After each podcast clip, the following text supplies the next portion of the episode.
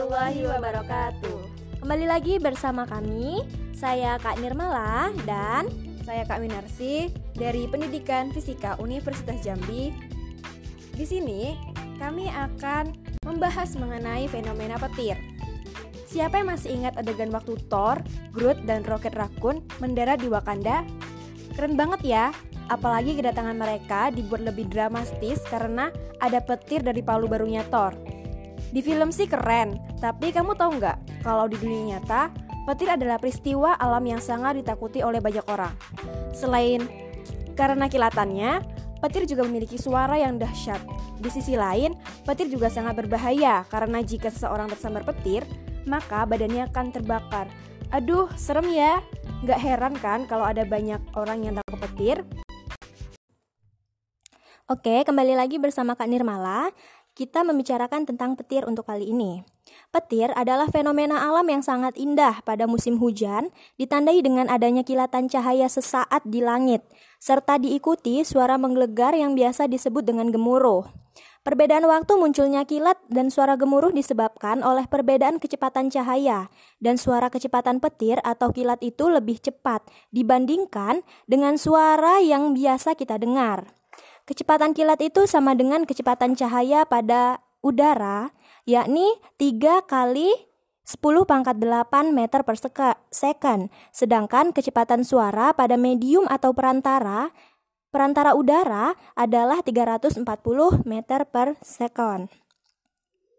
Dalam ilmu fisika, Petir merupakan fenomena cahaya yang dihasilkan dari tenaga listrik alam yang terjadi antara awan-awan atau awan tanah. Petir biasa kita analogikan sebagai kapasitor raksasa, di mana lempeng pertama adalah awan atau bisa lempeng negatif atau lempeng positif, dan lempeng kedua adalah bumi, dianggap bermuatan netral. Kapasitor adalah sebuah komponen pasif pada rangkaian listrik yang menyimpan energi sesaat atau energi storage. Petir terjadi karena adanya perbedaan muatan potensial antara awan dan bumi atau dengan awan lainnya. Adanya muatan pada awan disebabkan karena partikel-partikel penyusun awan bergerak terus-menerus secara teratur sehingga muatan negatif akan berkumpul pada salah satu sisi. Sedangkan muatan positif akan berkumpul pada sisi yang lainnya. Apabila perbedaan potensial antara awan dan bumi atau awan dan awan cukup besar, maka akan terjadi pembuangan muatan. Media yang dilalui elektron adalah udara. Pada saat elektron dapat menembus ambang batas isolasi udara, maka akan terjadi ledakan suara. Terdapat dua teori yang didasari yang akan dijelaskan oleh Kak Minarsi. Oke, seperti yang dibilang Kak Nirmala tadi, bahwa fenomena petir ini memiliki dua teori yang mendasarinya. Yang pertama adalah proses ionisasi. Petir merupakan peristiwa alam yaitu proses pelepasan muatan listrik elektrik yang berlangsung di atmosfer. Hal ini disebabkan adanya penimbunan ion bebas negatif dan positif di awan. Dihasilkan ion listrik oleh gesekan antara awan dan juga terjadinya ionisasi ini disebabkan oleh adanya perubahan bentuk air dari cair menjadi gas atau sebaliknya. Bahkan padat menjadi cair. Ion-ion bebas menutupi permukaan awan dan bergerak mengikuti angin bertiup. Jika awan terkumpul di suatu tempat, awan yang syarat ion akan memiliki potensi perbedaan yang cukup besar untuk dihantam.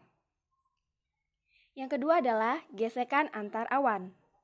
Awalnya, awan bergerak searah dengan angin. Selama proses awan tersebut bergerak, mereka saling bergesekan.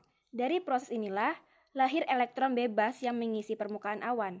Proses ini secara sederhana dapat disimulasikan pada penggaris plastik yang dioleskan pada rambut, sehingga penggaris ini dapat menarik potongan kertas. Pada titik tertentu, awan ini akan berkumpul di suatu daerah. Saat itulah petir dimungkinkan karena elektron bebas ini saling menguatkan, sehingga memiliki beda potensial yang cukup untuk menghantam permukaan bumi.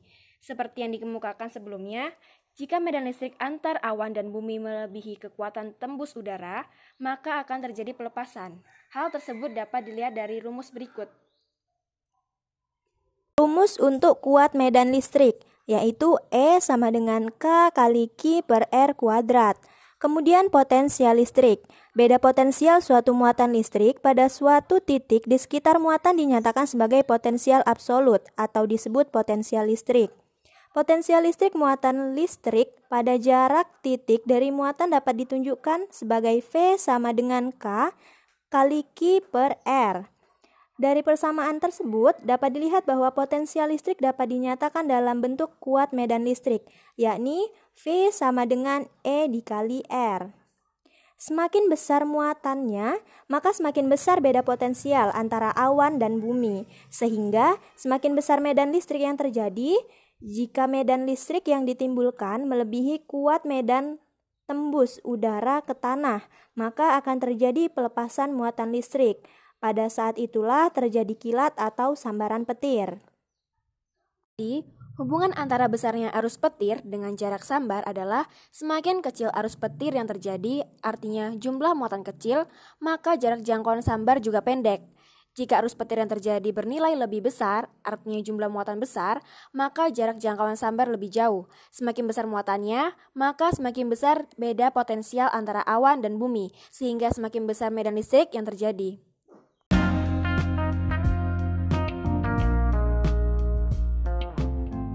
Jadi, fenomena petir ini ada kaitannya nih dengan teori-teori fisika seperti yang Kak Nirmala dan Kak Minarsi jelaskan tadi.